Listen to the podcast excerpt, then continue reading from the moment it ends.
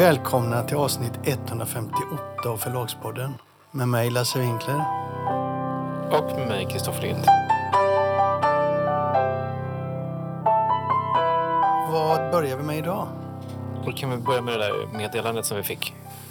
Ja, du menar smset vi fick om en fråga hur det är att eh, lansera eller arbeta med böcker med anonyma författare.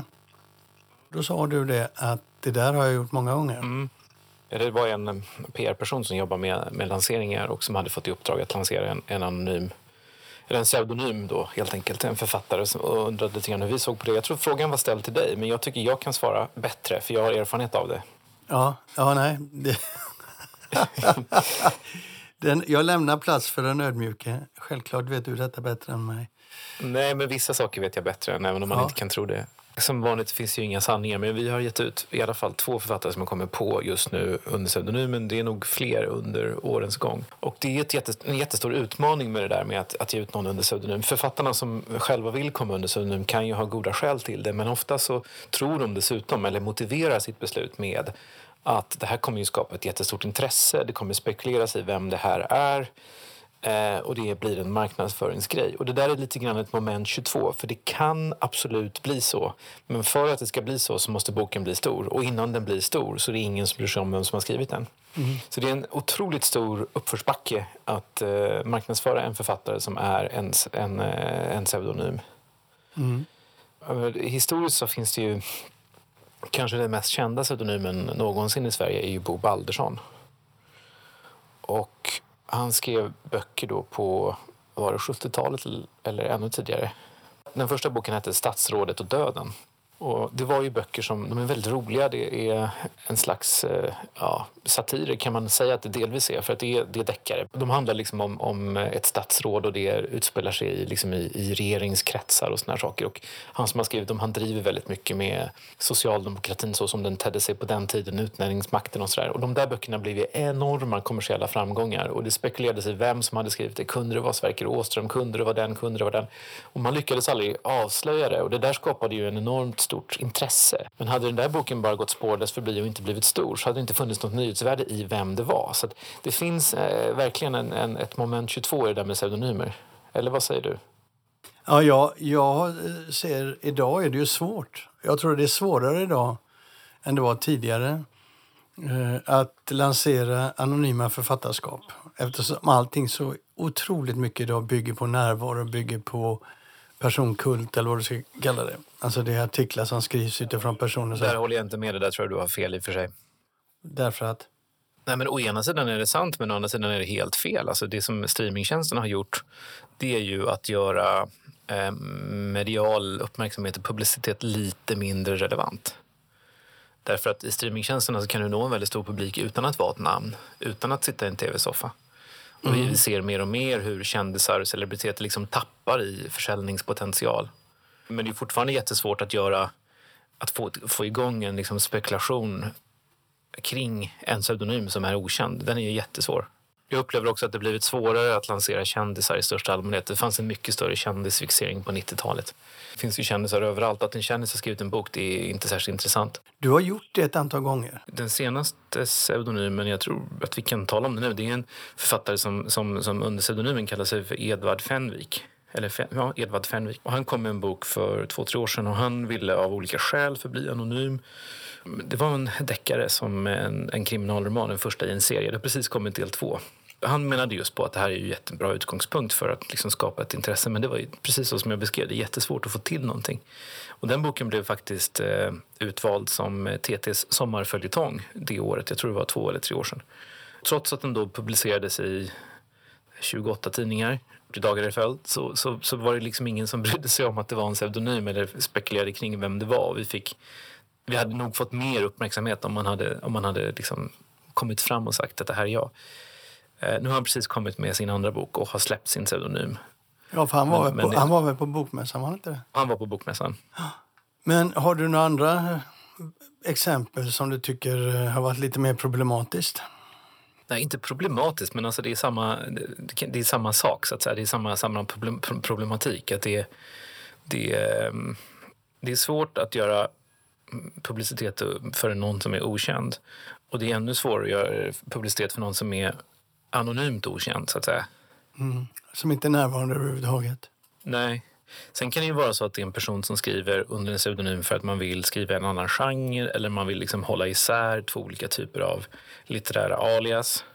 Så gjorde ju Joyce Carol Oates, har gjort så. Det finns många som har gjort så. Ricardo Reis, den spanske poeten. Det finns ju många som har haft olika typer av och som inte alltid har varit hemliga med att man skriver under olika namn. J.K. Rowling var ju en sån ända till den här advokaten outade henne. När hon skrev som Robert Galbraith. Det gjorde hon, ja. Och sen så var det den här precis, irländska författaren som, eh, vad heter han nu, Brombergs heter ut i Sverige, Berneville. Han hade också två stycken eh, namn.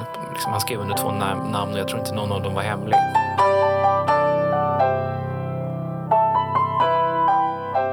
När jag var på Bokmässan så fick jag tipset att titta på Alex Schulmans efterord till den nya romanen Malma station. Det är den delen när han tackar folk.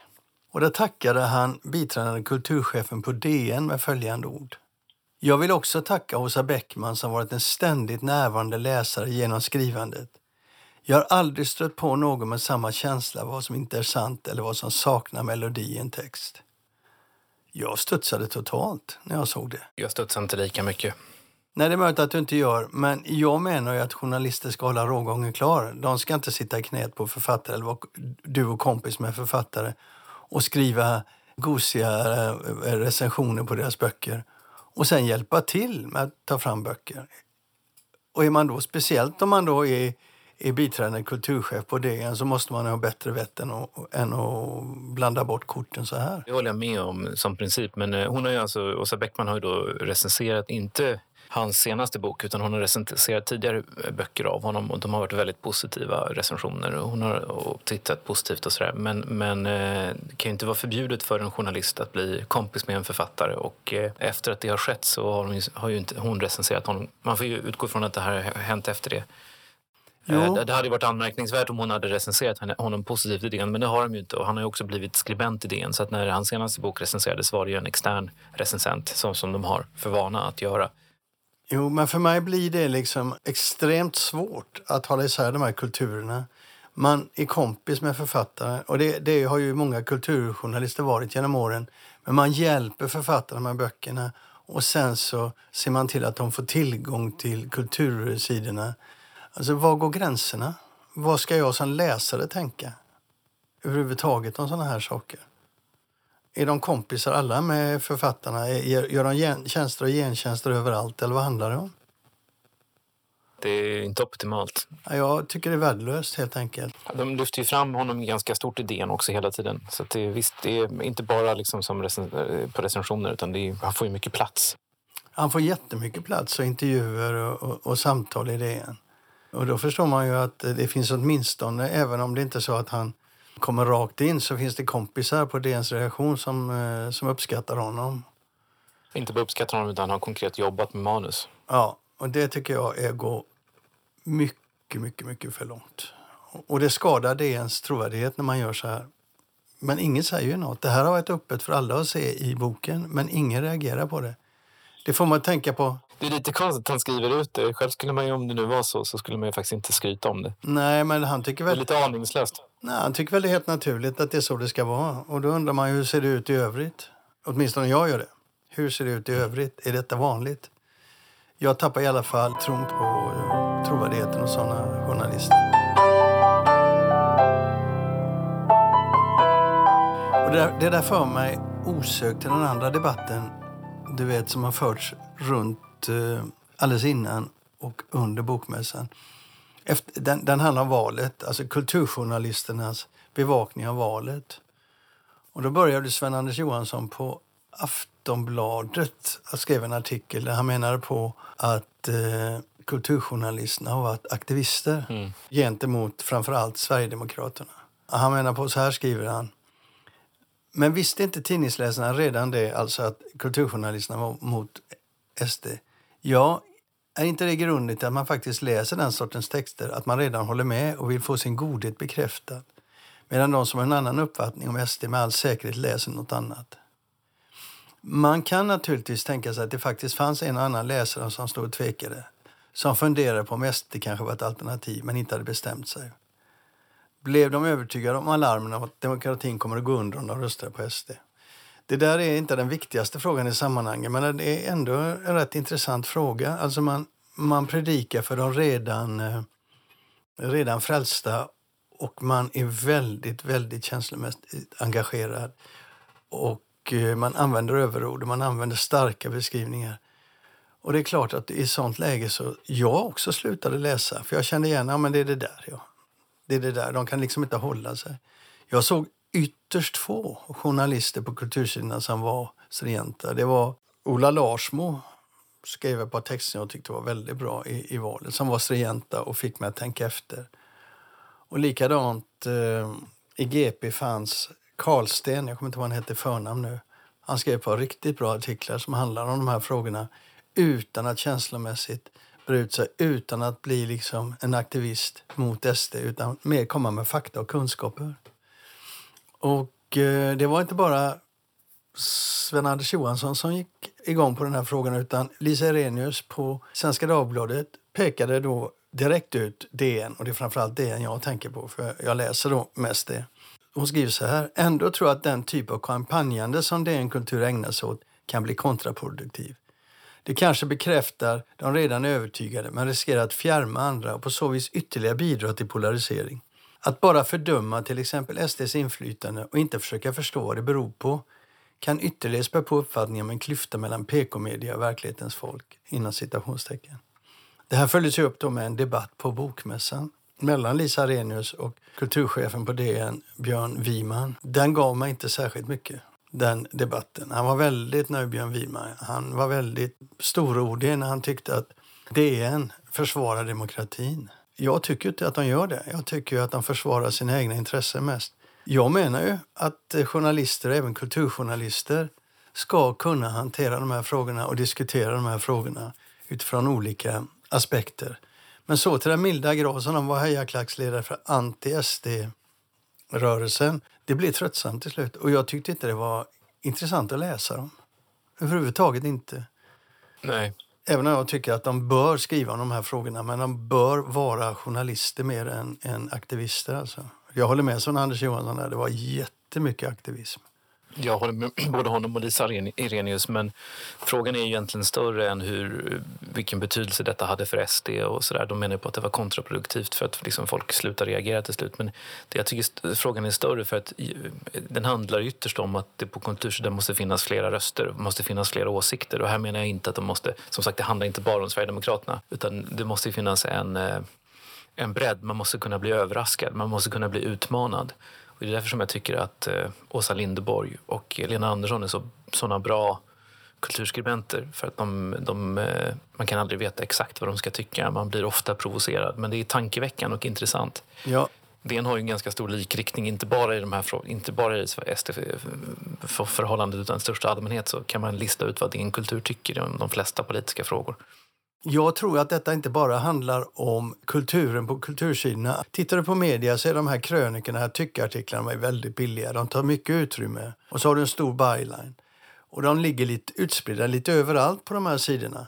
Och det gör ju att den som läser sidan har svårt att se skillnad. Vad är en krönika, vad är en tyckartikel och vad är en nyhetsartikel? Tittar du på internationella media så gör de väldigt stor skillnad mellan det här opinionstexter som de kallas, de här tyckarartiklarna, de finns en egen avdelning för opinionstexter. Sen hittar du nyheter, kritik och intervjuer och sånt på kulturen men inga tyckarartiklar, de ligger på opinionssidan. Och då vet du, mycket lättare för läsaren att förstå. Och då blir det också väldigt tydligt för redaktionerna, men vänta, kolla här. Det här blir bra, det här blir inte bra. Det här har vi redan haft. Så jag skulle vilja se, hellre se en sån ordning där vi inte har massa tyckarartiklar överallt i tidningarna utan de, de hänvisas till opinionssidorna. Jag menar, Guardian som jag läser regelbundet, de har ju jättebra opinionstexter utav journalister på Guardian. Och alla vet vilka de är. Men ingen gör misstaget att tro att det är nyheter eller att alla nyheter är tyckarartiklar som det är väldigt lätt att göra i svenska medier. En sak som är väldigt vanligt i svenska medier, inte minst tycker jag i Dagens Industri, det är att först har du en eh, en nyhetsartikel i ett ämne skriven av en viss person och sen är det samma person som kommenterar ämnet. Det är ju väldigt märkligt. Och det har att göra med att journalisterna i svenska medier de blandar och ger de här sakerna och det bör de inte göra tycker jag.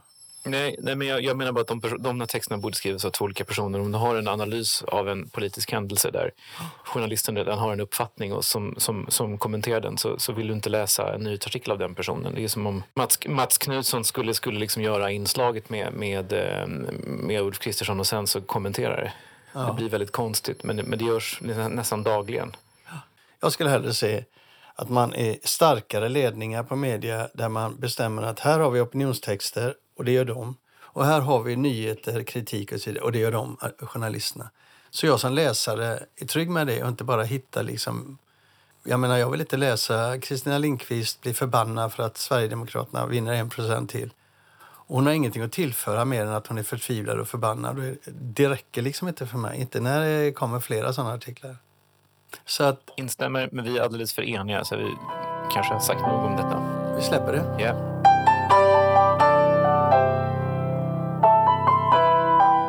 Alltså minnet är en bitch, helt klart. Och förra avsnittet så pratade vi om Bokmässan och historier från förr.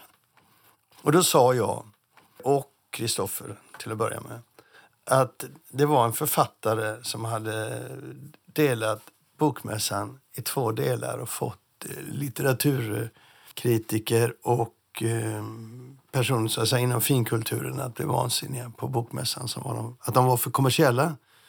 Och att det var en speciell författare som utlöste det. Och vi kom inte på vem det var.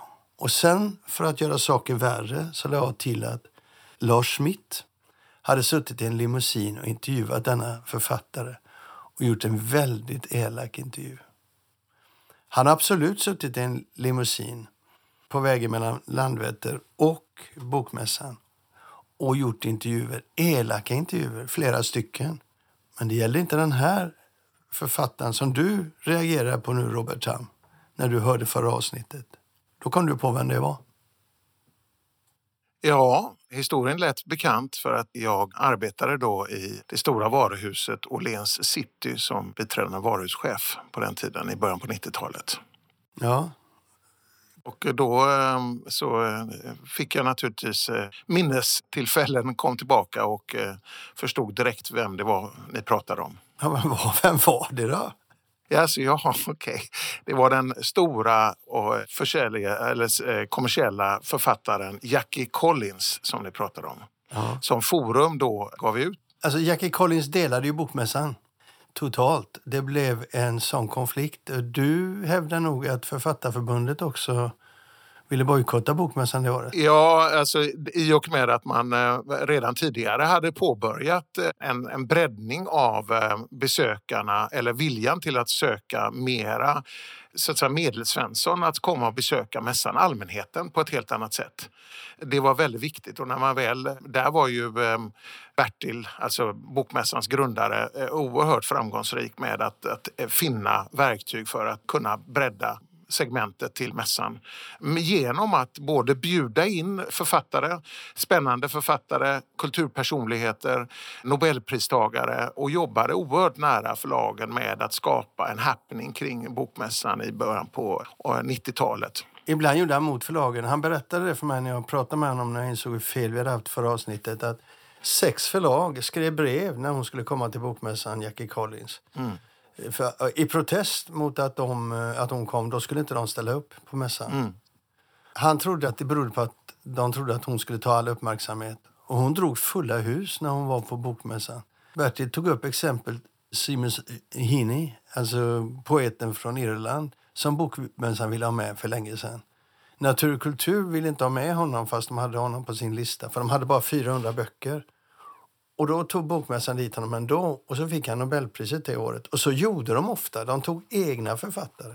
Visst gjorde de? Ja, men det, så var det ju och det var ju det här som var så spännande. Och um, tidigt så förstod de ju också att det, det räcker ju inte med det, de stora kulturpersonligheterna utan vi måste ju hitta författare och dra dit författare som, som drar någonting. Och då var ju crescendot, om det var 91 eller 92, 89. Eller 89, förlåt mig, 89 eller 90, crescendot Jackie Collins.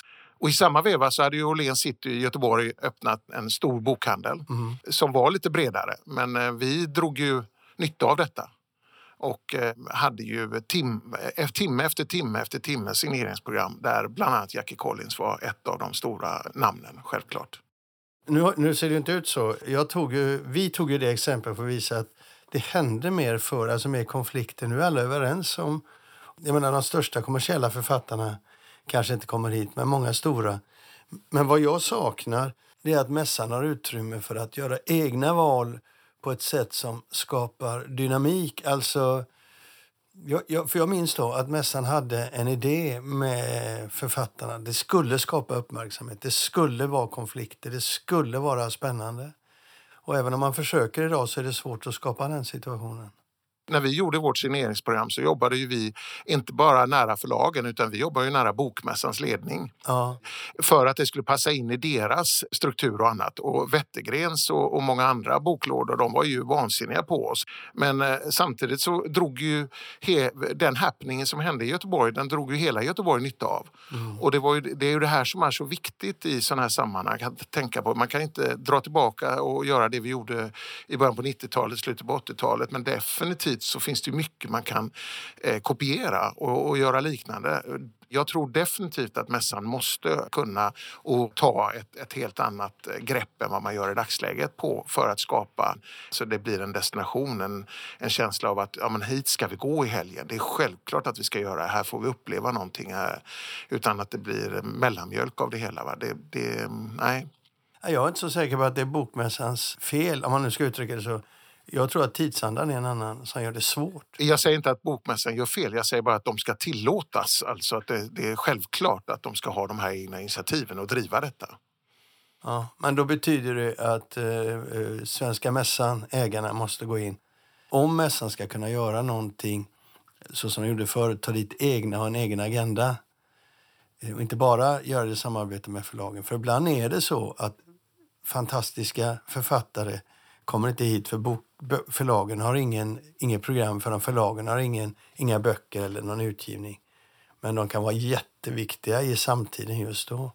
Och då måste bokmässan själva betala, det vill säga Svenska mässan måste betala. Och det är de ju det är ju deras sämsta gren. Svenska mässan ska betala någonting. Det som eh, man kan tänka på, som jag reflekterade efter förra gången på Förlagspodden när jag lyssnade på den, det var ju det att undra hur mycket artiklar som skrevs i svensk media, digitalt eller tryckt eh, under den här helgen om bokmässan, besöken eller liknande. Eh, jag eh, har ju naturligtvis ingen kunskap om den biten men det skulle vara intressant att se i jämförelse med hur det var för tio år sedan eller fem år sedan.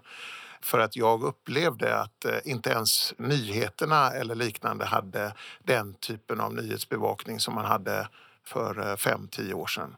Och det är ju också en, en signal på att man måste fundera på hur kommer bokmässan i sitt nuvarande form att överleva de närmaste tio åren?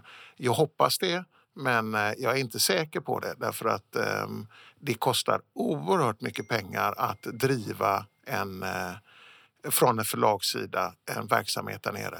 Då måste man förstå att det är en investering i eh, marknadsföring och inte i någonting annat. Va? Vi ska inte bli för långa här Robert, men, men absolut. Det var bevakning av mässan. Men egentligen handlar det mest om att det var roligt att vi var tillbaka. Att alla liksom, hurra vad roligt att vi är här.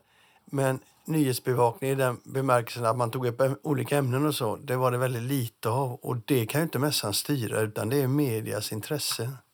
Jo, men det är det jag menar, man kan styra det genom att man eller styra och styra, man kan påverka det, både förlag respektive mässans eh, ledning eller upplägg. Att, att ha de här, skapa den här bassen, intressanta mötet etc. Och det försöker man ju på alla sätt och vis, men det kanske är som du säger tidens sand, jag vet inte det var roligt i alla fall då och några år bak, framåt.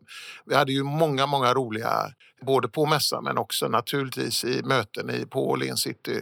Bara timmen efter Jackie Collins var där när vi fick stänga av hela varuhuset, det var ju två våningar. Det var ju eh, mer eller mindre 20-25 000 människor i Nordstan hade man räknat den dagen som, som på något sätt ville besöka eller kunna komma i kontakt med Jackie Collins, vilket de inte kunde göra. Men eh, bara timmen efteråt så satt Sandemo och Svullo och signerade böcker med eh, kanske tusen människor runt omkring sig. Och bara det idag, att eh, tusen människor med Sandemo och Svullo, det är fascinerande. Det var roliga tider. Okej min vän, ska vi säga that's it? Ja. Eller det var det? Tack, tack för att du tog dig tid att komma till podden. Ja, tack själv. Lycka till.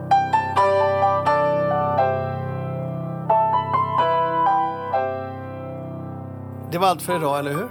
Mm. Mm, vi ses om en vecka. Det gör vi. Hej då. Hej då.